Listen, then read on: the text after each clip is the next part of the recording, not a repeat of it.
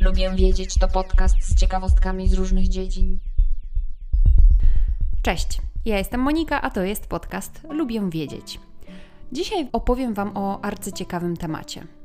O tym, co takiego się dzieje, że równiutko co 17 lub co 13 lat z podziemi wychodzą cykady. I czy są to jedyne stworzenia, które tak robią? Od razu Wam powiem, że niedawno, w 2021 roku, odkryto, że nie jedyne.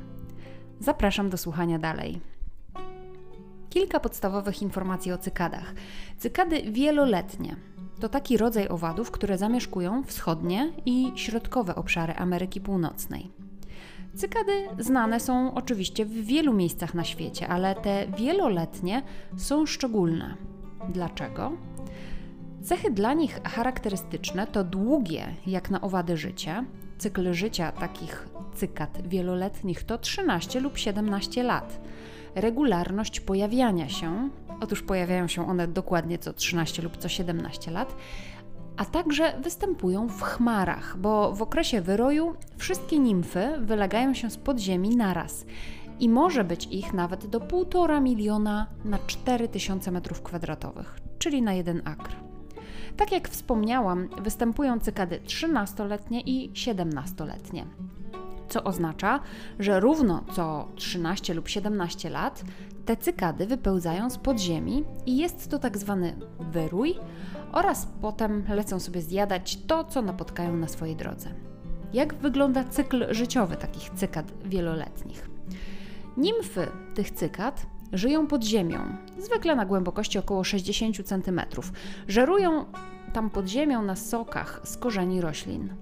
Nimfy przechodzą pięć etapów rozwoju pod ziemią. Uważa się, że różnica pomiędzy 13 i 17-letnim cyklem życia to czas potrzebny do dojrzewania drugiego stadium pod ziemią, nimfy wpełzają czasami głębiej, żeby dostać się do takich większych korzeni, które mają więcej soków. Nimfy wychodzą z podziemi wszystkie jednego i tego samego dnia. Wyłaniające się nimfy wspinają się w odpowiednie miejsce, aby zakończyć swoją przemianę w dorosłe osobniki. Po raz ostatni przeobrażają się, a następnie spędzają około 6 dni na drzewach, czekając aż ich egzoszkielety całkowicie stwardnieją. Zaraz po tej ostatniej wielince dorosłe osobniki są białe, ale w ciągu godziny ciemnieją. Dorosłe cykady okresowe żyją tylko kilka tygodni. Mniej więcej do połowy lipca wszystkie znikną. Ich krótkie życie nad ziemią ma jeden cel rozmnażanie się. Samce śpiewają specyficzną dla swojego gatunku piosenkę godową. Śpiewające samce jednego gatunku tworzą skupiska zwane chórami. W ten sposób przyzywają samice. Dźwięki chóru tej grupy samców mogą być ogłuszające i dochodzić do 100 decybeli. Samice odpowiadają na wezwania samców, wykonując ruchy skrzydłami, które przyciągają samce do krycia. Po zapłodnieniu samica wycina szczelinki w kształcie litery V na korze młodych gałązek i składa w tych szczelinach około 20 jaj, w sumie składa ich około 600 lub więcej. Po około 6-10 tygodniach jaja wykluwają się, a nimfy opadają na ziemię, gdzie zakopują się i rozpoczynają kolejny 13 lub 17-letni cykl. W tym roku, w 2021, spodziewany jest wylęk jednego plemienia, czyli takiej kategorii systematycznej, która jest trochę wyżej niż rodzaj, tak zwanego plemienia 10, czyli wielkiego plemienia wschodniego, które występuje na terenach stanów północno-wschodnich: New York, New Jersey, Pennsylvania, Delaware, Maryland, District of Columbia, Virginia, West Virginia, North Carolina, Georgia, Tennessee, Kentucky, Ohio, Indiana, Illinois i Michigan. Są dwie zagadki dotyczące tych cykad. Pierwsza to dlaczego cykady wychodzą właśnie co 13 lub co 17 lat. Zwracam Wam uwagę, że są to liczby pierwsze. I druga zagadka to jak to się dzieje, że wszystkie cykady z jednego plemienia wychodzą naraz, w takich wielkich rojach. Postaram się odpowiedzieć na oba pytania.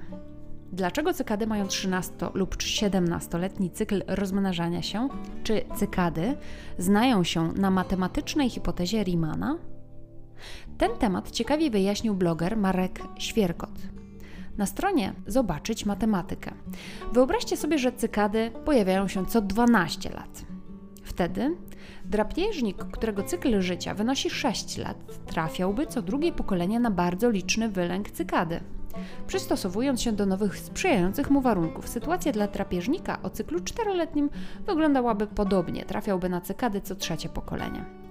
Podobnie jak i dla cyklu dwuletniego.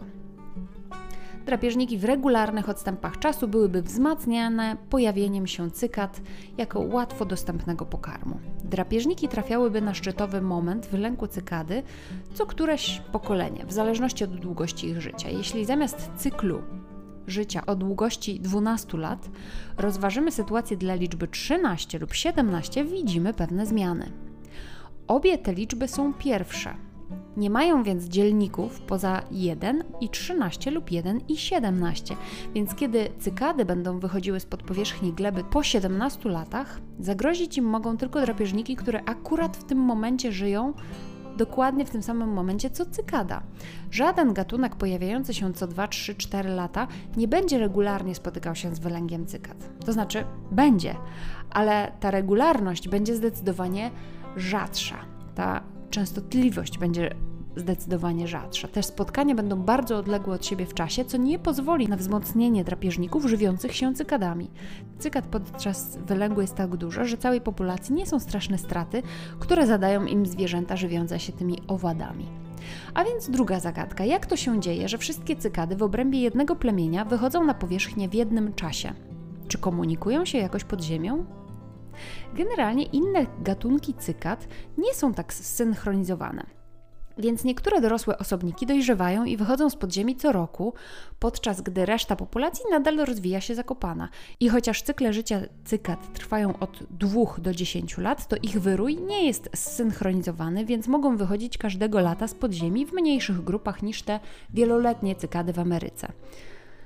To jest efekt doskonałej ewolucji, bo cykady są zupełnie nieszkodliwe, nie gryzą, nie żądlą, nie są trujące, nie roznoszą chorób.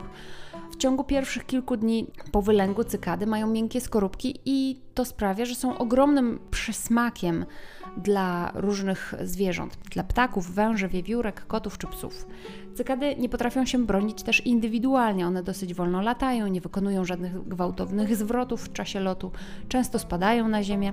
Ich jedyną bronią jest więc liczebność, bo nawet gdy zginą ich tysiące, ich gatunek przetrwa. Dlatego na ich korzyść działa właśnie to, że pojawiają się w ogromnych rojach. A jak to się dzieje, że wylęgają się wszystkie naraz? No przede wszystkim mają ten 13 lub 17-letni cykl życia, co oznacza, że przechodzą te same cykle życiowe, więc wiadomo, że w jednym i tym samym roku pojawią się te cykady, które w tym samym czasie powstały te kilkanaście lat temu jako jajeczka, a potem jako nimfy zakopały się pod ziemię. A wychodzą z pod ziemi tego samego dnia, bo ich wyrój sterowany jest przez temperaturę. Wiosną roku wyroju dojrzałe nimfy w piątym stadium rozwoju budują tunele prowadzące na powierzchnię i czekają, aż temperatura gleby osiągnie wartość krytyczną. Nimfy pojawiają się w wiosenny wieczór, gdy temperatura gleby na głębokości około 20 cm przekracza około 17,9 stopnia Celsjusza. W Stanach Zjednoczonych z reguły przypada to na koniec kwietnia lub początek maja na południu lub na koniec maja, początek czerwca na północy.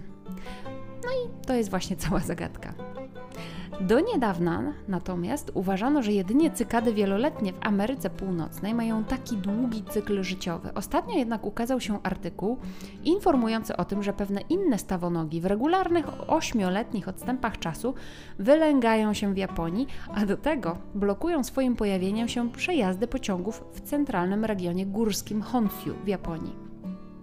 Gatunek tych krocionogów, Parafontaria laminata armigera verhuf, występuje endemicznie w Japonii. Naukowcy przeprowadzili badania historyczne i udowodnili, że w latach 1920 a 2016 w regularnych odstępach czasu co 8 lat te krocionogi pojawiały się w Japonii. Po raz pierwszy tak długi cykl rozwoju zaobserwowano u zwierząt innych niż owady.